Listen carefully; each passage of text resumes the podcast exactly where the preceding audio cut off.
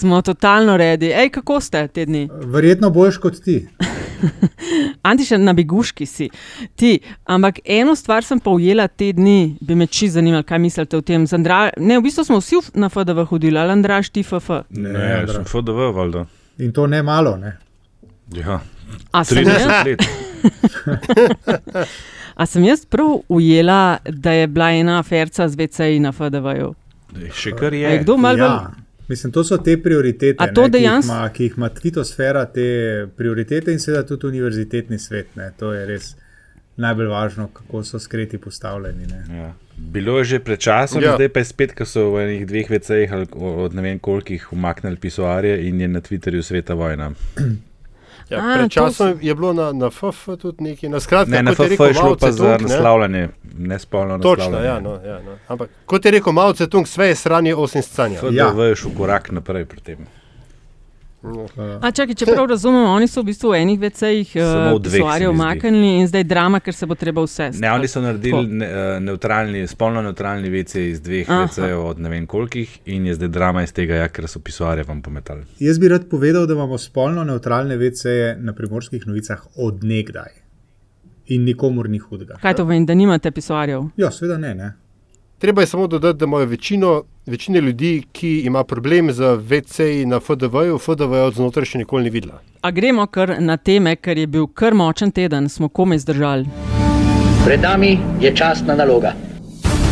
Nič več ne bo tako, kot je bilo. Več afer, kot bodo sproducirali, bolj bom grizla in sekala lovke. Prva stvar je neenotnost opozicije, in druga stvar je neenotnost svetovnih velesil. ker se jebi ga, nekdo mora boriti za otroke. Ko bom imel kaj več zapovedati, pa bom tudi to tudi Pa bom spet eh, s prispodobo udaril, da ne bo izpadel nekonsistenten. To je LDGD, podcast, ki nikogar ne podcenjuje in ničesar ne jemlje preveč resno. V imenu svojih najbližjih in v božjem imenu vas pozivam na lov.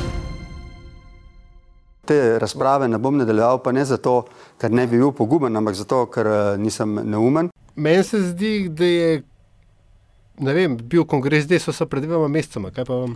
Ej, mal prehitevaš, za začetek moramo se veš. LDGD, podcast, ki nikogar ne podcenjuje in ničesar ne jemlje preveč resno, še posebej ne politike.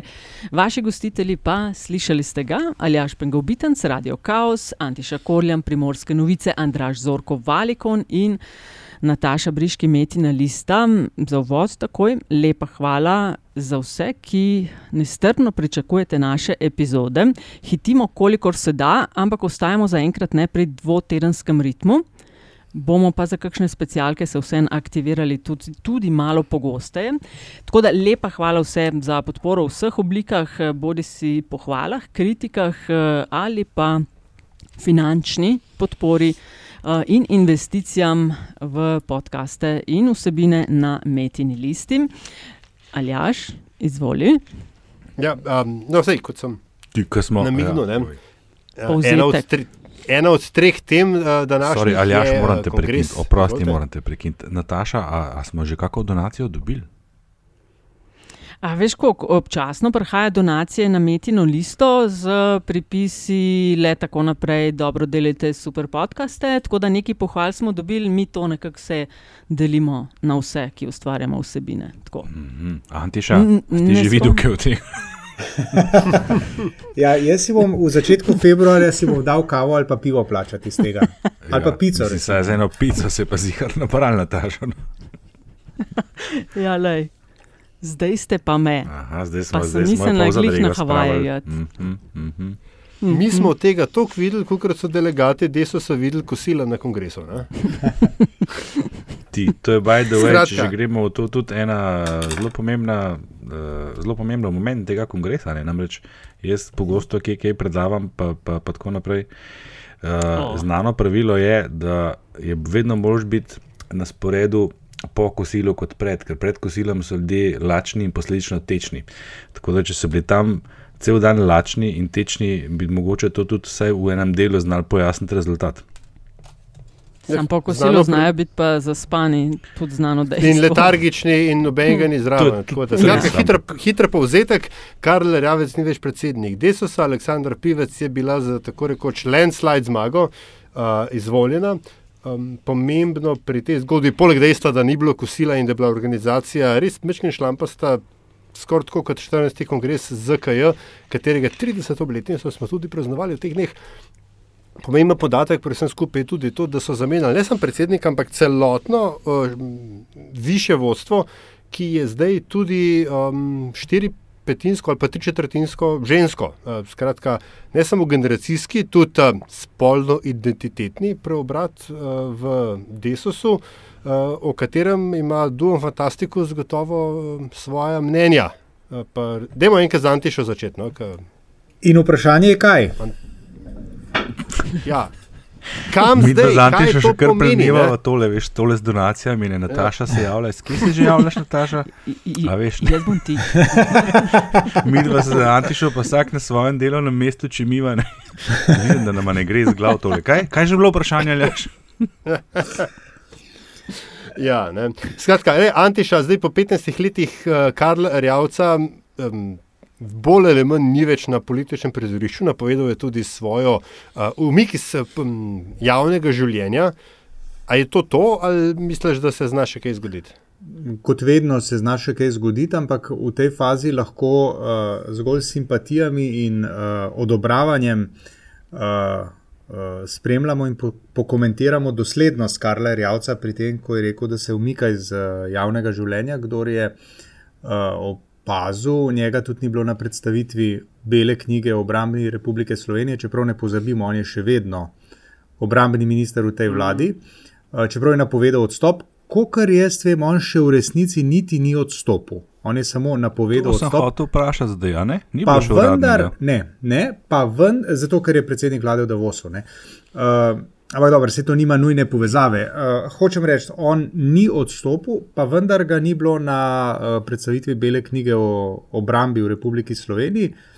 Uh, tako da to mu gre vzeti v dobro. Um, zdaj, kaj se bo zgodilo, kam? Ne vem, kdo ve, nihče ne ve, se mi zdi, uh, kljub razmeroma pogostemu pojavljanju v tisku oziroma v medijih, je Aleksandra Pivec v tem smislu, se mi zdi, še vedno uh, precej nepopisan list papirja. Jaz ne vem čisto dobro, kam ona uh, bo zapeljala to stranko. Uh, ona je gotovo v primerjavi z Rjavcem je neka uh, sveža energija. Ne? Zdaj, kako se bo ta energija manifestirala v političnem vplivu, zato pa se stranke, ne, seveda, in tudi nje osebno, se mi zdi pa, da je še vedno, uh, še vedno prezgodaj govoriti. Zdaj se veliko govori o generacijskem prelomu v slovenski politiki. Uh, se mi zdi, da je, da je mogoče prepoenostavljeno gledati samo na to, kakšen emšo ima nekdo. Ne? Tisto, kar nas zanima, oziroma nas mora zanimati, je, kakšne vzorce in kakšne pristope bodo ljudje, ki imajo emšo nižji in so mlajši, prenesli v slovensko politiko. Jaz moram reči, da prav radikalnih prelomov s staro prakso, oziroma z pač, politiko, business as usual v Sloveniji, uh, nisem opazil, čeprav je, ne, kot vemo, predsednik vlade relativno mlad, uh, vodja ene stranke je relativno mlad, zdaj relativno mlada nova predsednica uh, še ene stranke. Tako da, dajmo počakati, no, preden bi rekel, uh, podpišemo to, da je prišlo do menjave generacij in pri, pristopov v slovenski politiki. Hmm. Andraš, ti si um, v prejšnji epizodi omenil, ne, kot um, tak reality check, da je kaj dve tretjini ali tri četrtine baze Desosa vendarle starejših občanov, ne, kot se temu politično pravilno reče. A je mogoče, da gre tukaj samo za eno naveličnost nad darjavcem, pa da, mogo, da, da bo klep prišlo do kakšnega razkoraka med vodstvom in bazo? Čakaj, a zdaj je upokojenec uh, že nekorektna beseda ali kako? Ne, ne, samo a, okay. poskušam biti uh, sarkastičen. A. okay. Uh, ne, ne vem, če je to indikator tega. Veš, zato, ker sem brez opazil, sem predtem bom to povedal, moram spet eno digresijo narediti. A se vi spomnite, no, lani, ki smo bili, uh, ne lani, ki smo bili, ne mi, ki je bil šarec v Davosu, je tudi en minister bil v odstopu in je bila ena mini, mini zagatica, ker kukar ni sprejel odstopa, ker je bil pač v Davosu, smo se še hecali na ta račun da e-maili ne delajo v Davosu. Eh, prešiček, po mojem, prešiček. Meni se tudi zdi prešiček. Prešiček ja. in da je bila neka zagata, češ kako da. Preko sem na hitro hmm. pogooglil, sem bral, da je bilo 18. novembra, da je sprejel odstop, januarja, da je sprejel odstop, se pravi, to bi približno ustrezali. Zanimivo je, spravi, ko gre šarec v Davos, en minister gre tudi z njim nekam drugam, oziroma gre stran ali kako koli. Um, Kje smo ostali? A ja, eh, to, ki si vprašal, jaš, eh, ne vem, če veš, zato ker je bilo tle pri tem kongresu dosto očitno, da so ti delegati morda malo odtujeni od svoje baze, tako zgledali vsaj na začetku. Eh, in vprašanje, kako bi res glasovala njihova baza. Ne? Na začetku se je natolcevalo, češ, da baza razmišlja drugače, da so ti delegati, da niso čisto pravi odraz predstavnikov, da so bili tudi zbrani na nek tak način, da javcu bolj ustrezajo nekoč v preteklosti in tako naprej, pa se je na kongresu vse skupaj obrnilo. Jaz moram priznati, da sem ta kongres zelo čustveno doživljal. Eh, po eni strani ga razumem kot eh, enega od prelomnih kongresov, približno tako, ko se spomniš, aljaš, ne, uh, kot 30 let nazaj, ob odhodu delegacije Zveze komunistov Slovenije z tistega kongresa, s katero Bajdoje niso zagotovili uh, samo predčasne slovenske pomladi, ampak predvsem sebi obstoj za naslednjih 30 let, ki še traja. Uh, druga stvar je pa ta, da nekaj mi skačejo misli danes, nekaj sem preveč. Uh, Veš kaj, le ti bom jaz z enim pod vprašanjem, Andraš. Ja, kaj, no, misel sem imel, ja, to sem hotel povedati, da uh, ta, to čustveno doživljanje in spremljanje tega kongresa, med katerim sem imel tudi to priložnost, da sem ga v soboto v živo spremljal v prisotnosti štirih predstavnikov tipičnih njihove ciljne skupine, namreč štiri bumere sem imel, kot jim danes rečejo, na proslavi eh, mojega rojstnega dne, ki ga bomo danes kasneje še enkrat omenili. In oni recimo so rekli, ne sploh ti najstarejši med njimi, da pravzaprav karkoli si že mislimo, ali tudi oni sami, verjavci, da pa vendarle, ne, če že nekaj naredil, je pa zagotovo bil nek branik tega, da pa vse ostale stranke niso česa naredile proti upokojencem, zato ker je bil verjavc tak, kakršen je bil, tako da so ga z tega vidika podpirali. Ne. Tako da v veliko vprašanje je, kot je Nati še prej rekel, raziskav ni, ne, mi ne vemo, kako je dejansko z bazo. Prvi tak resen preizkus bodo absolutno naslednje volitve, ko bodo. Um, Aleksandr Pivec ni, če smo še malo nadaljevati, um, čist za res um, uh, neka strašna menjava generacij, uh, razen znotraj Desusa, to pa ja, ne, kjer pa uh, je treba povedati, da je ona v bistvu zdaj ob nastopu te funkcije tri leta starejša, kot je bil Karel Rjavec, ko je prevzel Desus. Spravi to, da nek tak mlajši predstavnik prevzame Desus tudi ni tako neobičajno, v bistvu kar ali ravec to pot nastavil. Ne. Pa še en špilfer derbaretle, ki sem ga že kot takega nominiral v novoletni epizodi, ki, ki tudi ruši to hipotezo menjave generacij, to pa se je zdravko počeval še nekaj. Tako da imamo v bistvu dva predsednika, ki so leta recimo med mlajše predstavnike. Ne. Mhm, no, um, mislim, da ste prosti, ampak eh, mal, ravno kar naredili uh, krivico Lenki Bratušek, ne? ona tudi ni glih. No, samo ona že nekaj časa, ne. A ja, ok, okay ja, ja, ja, ja. ja, če ja. govorimo, ja, imaš prav, seveda. Ja. Imamo kar nekaj mlajših predstavnikov zdaj v zadnjih letih. Ja. Andraš, ker ste v teh 15 letih naredili ogromno enih raziskav na različne stranke, različne vlade, pa mogoče, če se čisi iz glave spomniš in znaš povzeti nekako, kadar je bilo vprašanje Desusa oziroma še bolj Karla Erjavca, kaj so bili, bile tiste izjave, ki si jih najpogosteje dobival. Se nekaj malega si zdaj rekel od tega tvojega vzorca na rojstnem dnevu, ampak kot kaj so ga opisovali. Ker, veš, če potegnemo črto, mogoče res, da kakšne škode ni bilo, ampak tudi za res nič ni bilo narejenega. Veš, da mi v 15 letih ob eh, očitnem staranju prebivalstva nismo zgradili enega javnega doma za ostarele. Da ni uh, sprejet zakon, na katerem se že 30 let driblajo o, uh, o skrbi starejših. A, oprosti, ne, je imel kar ja, veliko moč. In da, so, in da so pokojnine v resnici više, ravno za eno kepico sladoleda, vsako leto približno. Točno ne. to. Ampak eh, lih v tem je razlika. Veš, tvoja perspektiva, ker si pripadnica mlajše generacije, ne, je. Se je res, da ni bilo škode, ni bilo pa tudi koristi. Ne? Teli moji boomeri za mizo so pa ravno obratno razmišljali. Ok, se je res, da ni bilo koristi, ampak tudi škode ni bilo. Vse, veš, oni se No, pač zadovoljijo mislim, z je manjšim. Ne? No, oni menijo, da ne, ne da, je bilo, da bi bilo pa še slabše, veš, to je ta pogled ne, starejše populacije. Kaj, v Mhm, bistvu bi mhm. bilo pa še slabše, če njega ne bi bilo. Tako Da, um, jaz mislim, da je Aleksandr Pivec kar, kar, kar velike čevlje stopilo v vseh pogledih. No. Ne gre pa za. Uh, No, če ankete, polemiziram, če če polemiziram s svojim omizjem, Andraš, ne, je pa tako, ne, a veš. Uh, Rjavc je imel uh, topove pa diplomacijo, on se nikdar ni ukvarjal, v resnici, on sam Ja. se nikdar ni ukvarjal z resorji, ki bi za tvoje sogovornike karkoli predstavljali, uh, in seveda še pol milijona drugih v tej državi, ne, um, ki bi karkoli predstavljali. Ne, Ja, se eno je, da se ti ukvarjaš z resorjem, no, v tem primeru za delo in družino. ne. Ja. Drugo je pa, da si ti pač predstavnik vlade, si član vlade, ki glasuje in z glasovanjem lahko preprečiš zakone, ki jih predlaga minister dotičnega ministrstva. Veš, to, da, tako da, To je res, glede na to, da nisi To je res. ne resorni predstavnik, imaš vpliv na to. Ne. Vemo pa, da se je Mislim, dosti sistematično Ne, se, se izogibal. Ja, se, to vsi tako. vemo. ne. Se tle gre samo za ta pogled, a veš tako. Ne, ko- Nataša je rekla, ne, ni bilo neke škode, ampak koristi tudi ne, te upokojenci je pa klej. To je zelo nereprezentativno vzor, seveda. Za mojo mizo so pa obratno razmišljali. Ne. Mislim nasprotno, jaz bi rekla, da glede na moč, ki jo je imel v več vladah, ne samo, da ni bilo nobene koristi, da je škodo delal, ker takrat so bile priložnosti, da bi uh, kaj več iztržil. Ne? In tako, je Antiša rekel, sistematično tista ministrstva, kjer ni bil odgovoren za tiste, ki so njegovi voljivci, še več. On je, če se spomnite, vse čas govoril, da če nimam ministrstva za finance, pol tako in tako ne morem nič narediti. Ne? Mislim, a veš, ne vem če, ne? ker je No, že bil kakšen minister, ki niso imeli v stranki ministrstva za fin finance, pa so vse stvari premaknile. Tlete pa lahko takoj izzoven, kera družbena ali pa generacijska skupina pa je lahko zadovoljna s čemorkoli v zadnjih 20 letih. Mislim, uh, Zakaj bi bili upokojenci kaj moglo... bolj razočarani kot kdorkoli drug?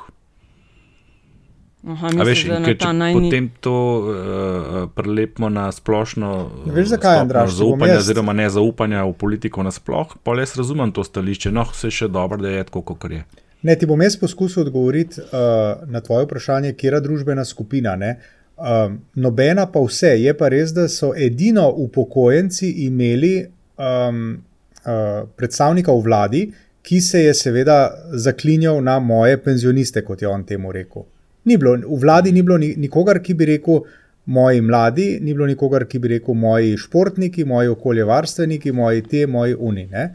Edino Kar je zelo zanimivo, upokojenci, ne? edino upokojenci, eh, kar je razumljivo, seveda, ker je uh, tako velika družbena skupina, uh, so imeli svojega, da tako rečem, reprezentanta oziroma ne, uh, ambasadorja v vladi. Nobena druga družbena skupina. No, recimo, da, da, je, da je levica nagovorila mlajšo, mlajšo populacijo z stanovanskim problemom. Ja. Ampak Delno, Levica, ne, če- dokler ne ja. bo stopila v vlado, bo samo govorila, kaj bi, Seveda. če bi. Ja. Se zdaj ne vem. Eno- eno ne, stvar- Ampak dobro, ja, povej. Ne, evo, Eno stvar mogoče še ne, pač v, mo, pa mogoče kot navržem kost, pa pol zaključimo tale desus, ki očitno se bo še, še razvijal, oziroma saj ta del menjave oblasti. A je šlo v obračunu pivec Rjavec tudi za ne samo obračun Šarec Rjavec, ampak Šarec Pahor? Eno tako tezo sem raz, na pol nekaj razvijal v blogu, pa me zdaj vaše mnenje zanima. V zvezi z Irakom, recimo, no? ker, ker se mi je zdelo, da se je Pahor zelo netipično na Iravčevo stran postavil, v smislu podpore umiku in potezi in tako dalje.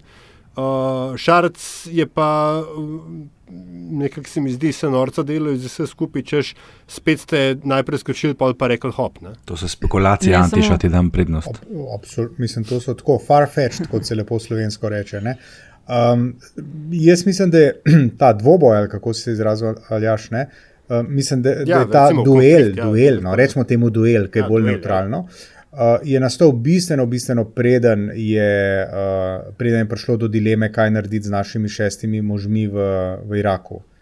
Tako da zdaj pripisovati ne, uh, to uh, rivalstvo med predsednikoma, kaj pa vem, no, jaz bi bil previden pri tem. Ne. Pričemer rivalstvo seveda, je... rivalstvo seveda obstaja, to je pa evidentno. Ne. Uh -huh. Ampak je pa predsednik Pahor, se mi zdi, kar eh, glasen pri izjavah, eh, ali pa vsaj v nekih razmeroma ožjih, širokih krogih, o tem, kako je ta vlada diha samo še na škrge. In tako aktivno se zdi dela v smeri, da bi se to, se pravi Šarčeva vlada, čim prej končala. Ne. Tudi Šarec je bil premijer uh, kritičen do njiju obeh, ko je šlo za ta umik iz Iraka, ne, do uh, predsednika Pahorja in ministra Erjavca. Mimo grede oba, ki sta na veliki odru v Slovenijo prinesla populizem. Ne. Po moji oceni. Ja, veš, te, jaz sem zaznal predvsem tle bolj ta, to, ne to krivalstvo, ampak čak čist taktičen dvoboj, če ne celo strateški, med šarcem in rjavcem. In se pa zdi, da je bil rjavec za marsikoga že kar res, kar, kar konkretno moteč faktor. Ne, ne pozabimo, nekoč celo za pahorja. Ne? Ja, uh -huh. no, On se ga je zelo trudil znebiti ja. svoj čas. Ja. Ta, tam je tako, tako iron, ironičen obrat. Močno dvomim, da Pahor sploh ima takšne vzvode, da bi lahko tle bistvene posegal, medtem ko Šarec pa mislim, da jih je imel. In so bili tudi na nek način dosta očitni, mislim, ker podpore oziroma simpatiziranja s Pivčevo ni skrival ravno. Ne? Uh -huh. mm. Tako in verjetno bo tudi, a se vam zdi, da bo mirnejše nadaljevanje vladanja, ali tako kot smo se pred dnevi pogovarjali, obstaja kakšna možnost vsem za vem, predčasne reorganizacijo in tako dalje. Zdaj malo smo o tem se pogovarjali tudi na čist tehnični ravni, kaj bi se moglo zgoditi, da bi do predčasnih prišlo in tako dalje. Mislim, da smo v večini, v večini komentatorjev, oziroma tako imenovani analitiki, takoj po kongresu v nedeljo in ponedeljku ugotavljali, da to vsaj kratkoročno pomeni malo bolj mirno vladanje za šarca, ker ima pač eh, enega ministra manj v katerem je bil pogosto v besednih dvobojih, eh, ta minister je bil tudi v dvobojih pogostih z Bratuškovo, recimo, in je to vsekakor vnašal nek nemir. Ne.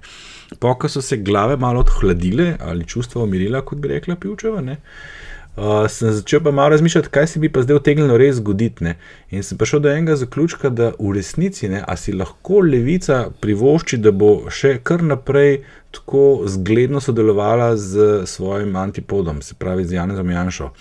Eh, namreč, eh, če bo zdaj prišlo do kakšnih zapletov pri, pri sprejemanju novega ministra, pa še pri kakšnih drugih zakonih, ne, če bi se to, ni, čeprav ni sodelovanje, pa vendarle, če ti konsistentno oziroma konstantno glasuješ enako kot uh, tvoj um, antipod na drugi strani, ne, potem uh, bo mogla se tudi levica vprašati, uh, kaj pravzaprav počne in komu je tu v resnici v podporo in kaj to pomeni za njeno podporo, sploh če se pojavi na prizorišču kakšna stranka, ki bi utegnila nagovarjati tudi njihovo volilno bazo, ne, naprimer zeleni. Kar pomeni seveda, da ima ta vlada pač... zagotovljeno podporo na nek način, se, sorry, ali sem dokončal, ne skratka, ne, ja, da ja. bojo oni zdaj uh, za, ne, za vladne, ampak dovolj, da se vzdržijo, ne, ohranijo svoj obraz, ne, eh, ne, ne, ne pa sodelujejo na ta način z Janšo. Ne. Ker tisto, veš, jaz sem zanj razumel, pri Mlinarevi, pa pri proračunu je bilo tako, kot malo, ok, zdaj boste pa vi videli, kako je brez nas, ne. pa so videli, da tudi brez njih gre. Uh, ampak prav, prav veliko krat se pa, po mojem, ne bodo mogli tako na isti breg postavljati, kot je zdaj. Dobro, klej sta dva faktorja. Eh, seveda, v nobeni vladi ni v interesu, da je treba prevečkrat glasovati v njeni ekipi. Uh, ampak um, nekaj drugega. Kot si rekel, se strinjam, da levica bo vendarle morala paziti, na katerem bregu bo pristala, ne, uh, vsakeč znova.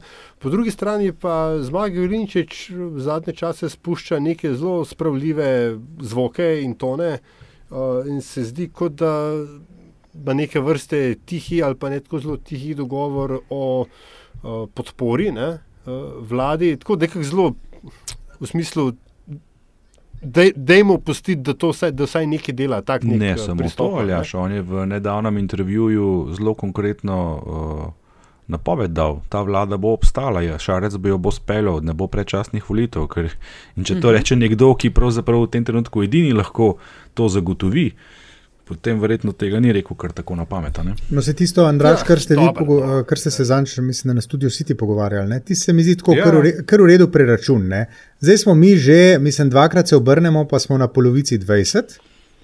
21 prevzamemo predsedovanje, ni glik, da ne, uh, se takrat gremo volitve, pa smo pa že v letu, ki je volivno. No, okay. sej, ja. Če greš tem izračunom malo nazaj, ne, in tudi vemo, da imamo težavo, oziroma kar resno zagato z volilnim zakonom, če bi bile volitve kasneje kot letos, ne samo predsedovanje. Ne.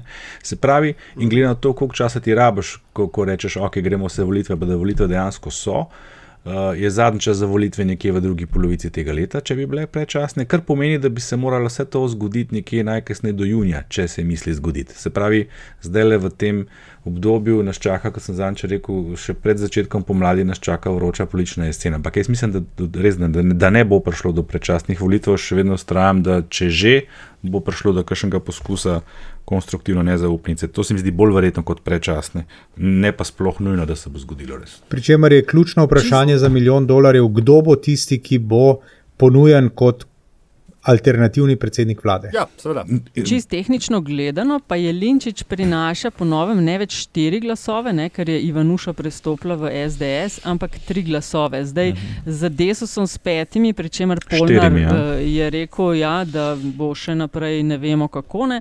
Imajo zares 42, SNS 3, ok, pa manjšinca tudi z vlado glasuje. Ampak ja, vedno zelo na tesno. No, in ko smo glih pri tem štetju, a je kdo mogoče zasledil, a se bo Weigel spet v članu desus? Zdaj, ko je pivec zmagala. Tako ja, je napovedal. Ni on rekel. Ja. Mhm. Pa, ga, pa Gantar tudi, če jaz kaj vem. Izkoriščamo ta trenutek za javni poziv. Da. Bravo. Nihče nikjer ni vprašal. Točno, ja, bravo, Nataša. Okay. Če, če nas prav razumem, se pravi, prav zelo pogrešali ta nova ali pa novejša generacija politikov, Erjavca ne bo, da je mal več miru zdaj za premije Šarca in njegovo vlado. Kako bo pa naprej šlo, mogoče ne atomska bomba, bomo pa še vedno mal na. Tesno dihali, ali kako. Če, pa tudi čarec je bil v teh izjavah kar, kar miren zadnje čase, kot je bil zančen po tistem uh, nastopu na odmevih, pa na popu, je deloval, vsaj meni, no, nekoliko nervozno, uh, je pa zadnje čase precej miren. Jaz mislim, da je tudi ta izračun z levico, da, da je kar tehten, ne zato se se ga spomnim, ampak mislim, da se ne res ne more prvošati kar skozi Janša glasovati. To enostavno ne bo šlo mm -hmm. skozi, sorry. No, in pravi, tem... Veš, kdo bo pogrešal uh, uh, Rjavca? Matej Tunin. Na, no, pa Žan že... Mahnič. Ja. Ko smo že pri Toninu, eh, na, eh, v Knovsu je relacija z vlado je spet eh, živahno, dvoboj, ne vem, Tonin Črnčec in tudi uh, Tonin premije Šarec. Ne, uh, kako to gledate, kaj se tukaj dogaja med tem, ko kalkuliramo, kdo bi lahko bil novi uh, obramni minister ali ministrica? No, če smem, kar jaz mislim, je absolutna sramota, kako je uh, Damir Črnčec komentiral um, pač delovanje uh, Mateja Tunina, ne glede na to, kaj si o njem in njegovem vodenju knovse mislimo. Dejstvo je, da gre za parlamentarni odbor, ki je ključen pri nadzoru nad tajnimi službami in, in je tudi pač neka osnova sodobne demokracije, in nadzorovani nima kaj na tak način govoriti o svojem nadzorniku, pa če tudi ima morda prav, ne trdim, da ima, lahko si črnčec to tako misli, ampak tak način komunikacije je po mojem nespremljiv in ko je premije nekoč enkrat rekel, da bo imel črnčeca na kratko, zdaj je čas, da zategne uh, štrik. No, tako, e, z druge strani, meni je bilo pa zelo pomenljivo, popravite me, če se motim, ampak mislim, da je bilo to prvo. Javno oglašanje črnceca, odkar je postal sekretar, da se prej ni opredeljeval do ničesar, oziroma da se sploh ni oglašal. Res je. Ne, on je bil. Prav razumem, ali jaš to pomeni, da se je z verige strgal, bi rekel. Ha? A ni ja, bil pred časom en intervju? Hm, jaz sem pa v glavi, ja, da je imel enega sicer tistega soft varianta intervjuja. Ja. Je pa verjetno pomenljivo, da je bil, da je bil gospodar v Davosu.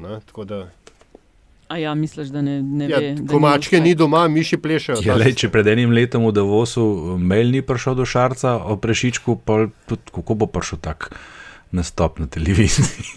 Izkoristil je trenutek. um, kaj še je okrog tega zapovedati? Neč, razen da, je, uh, da se nadaljuje to uh, prenosu živo dogajanja na Sovi, ne, um, kar se mi pa zdi, da vedno manj, vedno manj odmevamo, oziroma vedno manj ljudi zanima. Ne. Tak je moj vtis. Ne pravim, da so to No, ne tle se pa lahko strinjamo. nepomembne Črncem, ne. stvari, ne, ampak to so vedno, vedno, mislim, zdaj se bo šlo v detajle in uh, uh, mikro detajle. Uh, zanimalo pa to ne bo prav veliko nobenega, in seveda tukaj je bilo zelo velikega govorjenja, zelo velikega. Uh, zelo velike energije vložene v to, da se na koncu ni doseglo nič. Zgodba je ostala vroča, oziroma se pač vroča, mlačna. Ja, mlačna, ja, bolj. Okay. Ni pa čist nič mlačnega, bilo rahlo je mogoče povezano to ideja o naborništvu. Ne, Slovenija ima profesionalno vojsko uh, in stranka SDS je predlagala, da je skrajni čas, da bi fantje pri 18, mislim, da spet začeli obvezno služiti vojaški rok. Um, a ga je kdo od vas treh v kakšni obliki služil? Jaz. Jaz pa ne. Še stara juga? Ja, ja seveda, še Ja, ja, valjda. v, predzadnja generacija Jugoslavijske ljudske armade, Zadar 89, september. In Jaz sem da je- Antiš, kot pravi prijatelj, pospremil na to pot. Po okoli sprejemu dvorov. me je pa pisal, mi je pisma noter. pa to. Ja, Ja, se- jaz sem, ja, bil, ja. jaz sem šel na faks, a veš, jaz sem šel na Ja, FSPN, on je bil ampak- pa v vojski. Ne? Tako je. Čak in si bil up- opravičen avtomatično. Eh, Ne, sem se zelo potrudil za to. Mi je šlo pa na roke dejstvo, da sem eh, za 16 dni drug letnik kot Antiša. Tako da vsi moji sošolci, oziroma kolegi, prijatelji iz tiste generacije so imeli nabor eno leto prej kot jaz. Eh, V tistem letu, ko sem imel pa jaz nabor, so se pa stvari že kar resno začele dogajati v Jugoslaviji, takrat so se vračali določeni vojaki, naši fantje v krstah iz, iz odročnih predelov Jugoslavije in jaz sem se zelo potrudil. Mogoče kdaj povem to zgodbo, je pa zahteva vsaj pet minut pripovedi. Uh, je pa mi šlo na roko to, da v tistem letu, ko so mene upravičili, je bil delež upravičenih še enkrat višji kot leto poprej. Iz 4 na 8 odstotkov je, je zrasel delež teh, ki so nas po določenih točkah zakona, uh, vsaj za nekaj časa, oprostili. Ampak skratka, kaj si vi menite o tem? Uh, Če bi bilo treba o tem glasovati, bi bili za, ali pa mogoče v kakšni prilagojeni obliki, ali kategorično nega srat. Nega srd. Z naborništvom ne ga srd, ampak uh, Ja. delati na kakšnih takih pripravah v smislu civilne zaščite in to po, po, po mojem ne bi škodilo. Ali se bomo zanesli na 120 tisoč prostovoljnih gasilcev in na tisto malo vojske, kot jo imamo. Sveda, njega sredi. Posem jasno je, da je SDS um, to idejo dala v obtok, potem ko ideja o aktivaciji uh, po, posebnih pooblastil vojske ni šla, uh, ni šla čez. Skratka, da bojo zdaj, ne vem, kaj bomo, čez, čez dva meseca bojo pa dali v, obtok predlog, da bi imel vsak, da bi lahko, ne vem. Orožje, nosilko, orožje nosilko kot v Teksasu. Lepo vas prosim. No, to je bila pač neka provokacija, zaradi katere se je zdaj potem cela Slovenija deset dni ukvarjala z Žanom Mahničem. Bi jaz rad njega videl na deset km, koliko on odlaufa. Pa to, le, le, lepo vas prosim. No, pa ne samo to. Jaz, Eh, jaz da- mislim, da je treba tudi to gledati v nekem družbenem kontekstu. Um, zakaj, zakaj ta stvar to, ne gre ja, skozi? Razen tega, da seveda, kot je že stroka upozorila, uh, mi nimamo sistema več, mi nimamo kuharjev, mi nimamo kam bojo šli ti ljudje spat, mi nimamo zdravstva vojaškega. Mi, tako bi rekel, na tej ravni nimamo, kdo jim bo obleke, kdo bo uh, vojačku naredil srajčico. ne. Um, ampak še nekaj je. Ne? Družbene spremembe so bile tako velike, da imajo danes gimnazijski profesori probleme s tem, ko starši prihrumijo v šolo, da pa on zas, otrok zasluži dve ali pa tri, ne, na mesto ena. Uh, zdaj pa kaj, zdaj pa bo un poročnik ali vodnik ali kako se že reče tem činom, uh, kaj bo? Ga bo gonil in bo imel čez dva dni uh, starše na vratih kasarne, z našim pa ne boste tako delali. Ker namreč o tem se mi pogovarjamo. Ne? Jaz sem se pogovarjal uh, v tem tednu s kolegom, ki je vojsko služil 99 in mi je opisal tako zgodbo. Eh, poročnik mu je mal bolj grdo rekel, ne vem, ustan, kaj sloniš tam ali sediš, ležiš. Ja, čez dva dni so bili starši, da to pa vse, kar je prav, pa človekove pravice, pa to, mislim. Ne? Po pa nared vojsko, če jo znaš. Ja. A veste? to, kar si omenil, smo pregovorili o generacijah, bi se tudi meni zdeli bogi poveljniki, ki bodo imeli te čez te generacije in kakšno mučanje bi bilo, ko bi bilo par žuljev. Ne. Me pa, jaz pa nisem čist kategorično proti. Me pa rahlo žalosti. Moški v uniformah, ja, tako je to pač. Ne, ne to, da se ne. da se ne ponudi tudi opcije, zakaj pa samo fanti. Se mi zdi, da bi, če bi, a veš, kakšne so te nove generacije deklet, da če bi te povabili, kot bi rekla kolegica, bi veliko več testosterona dobili kot od novih generacij fantov. Tako da meni se zdi, da bi vsaj tako, mislim, da sem zasledila, da je v Švici podobno. Ne? Imajo nekaj, moški, ne? okay, obvezno, dekleta pa če želijo. Ker meni se zdi, Pa da v bi Izraelu tudi, ne, Mislim, da je v Izraelu tudi. Tam Ja. sem mislim, da pa obvezno. Pa še nekaj. Dala si dobro istočnico. Aha. Kar pove, Ja, Andraš. katero? Um, um, kaj če bi se najprej zmenili, da če bi prišlo do spet obveznega služenja, uh, kakšni bojo VC-ji v vojašnicah, pa kako se bojo naslavljali. Dajmo, evo, se to najprej dogovoriti, če nam to uspe, pa lahko razmišljamo tudi o tem. Pa Antiša, še to sem hotel dodati, ko si našteval, uh, kakšne se infrastrukture ni več in bi jo potrebovali, ne govori o tem na glas, ker bo kdo dobil idejo. Ja, to je res. ne. Da, z, kako se, z, eh, da, da se to naše gradbenike pa tekstilno industrijo pošle, ker to bi bili multiplikativni Kakšen učinki. vrtiček je to. Multiplikativni kakšen učinki vzpostavitve slovenske vojske bi bili veliki. Skratka, Ha, ha, ha. dragi SDS, ko že predlagate kakšne take stvari, um, ne vem, zakaj je treba polovico populacije že a priori iz teh idej izpustiti. Ne? Ampak v bistvu, ne, v resnici si, uh, ali pa smo zelo verjetno nenadevno našli pravi vzrok za to, ker si pač fantki, ala Žan in ta klika, enostavno pač želijo nek, uh, nek safe space ne, za, za, za te mehke snežinkice, uh, um, moške, fantovske, kjer ne bi bilo punt zraven, da ne bi bili preveč ogroženi. Mm, ja, misliš, to, da bi se bali konkurence? No, to je Ja, ja, dober halo. argument, zakaj ne. Ja. Hvala, Aljaš. Prosim. A imamo Še- še, kdaj? še kaj ob VC-jih in, in vojakih eh, in vojakinjah za dodati, ali pičemo na 30? -ko? 30. Če nimamo, bi jaz še nekaj pred 30, ko omenil, bom lansiral še eno temo na hitro. A ste vi zaznali včeraj okrog tega dopolnilnega zdravstvenega, pa se ni treba, da ne dolgo in široko razpravljamo, ampak da je SMC tvitnila nekaj tazga, ker bi dala slutiti, da oni ne bodo tega podprli, oziroma so se tako postavili, tako kot jim Polnar so zdaj znotraj koalicije. Češ, namen vsega tega ni bil to, kar se zdaj dogaja. Jaz sem to razumel kot uh, zelo jasno sporočilo, kako bojo glasovali. A ste zaznali? za vprašanje, ni, bilo- ni bilo to konkretno za vprašanje, ali bo pač dejato progresivna oziroma fiksna? Mislim, da, mislim, da je bil to išel, ne, ne, ne kot Ne, transformacija nasploh- kot nasploh, nasploh o tem, eh, zakaj se sploh, pa na kakšen način se to dela.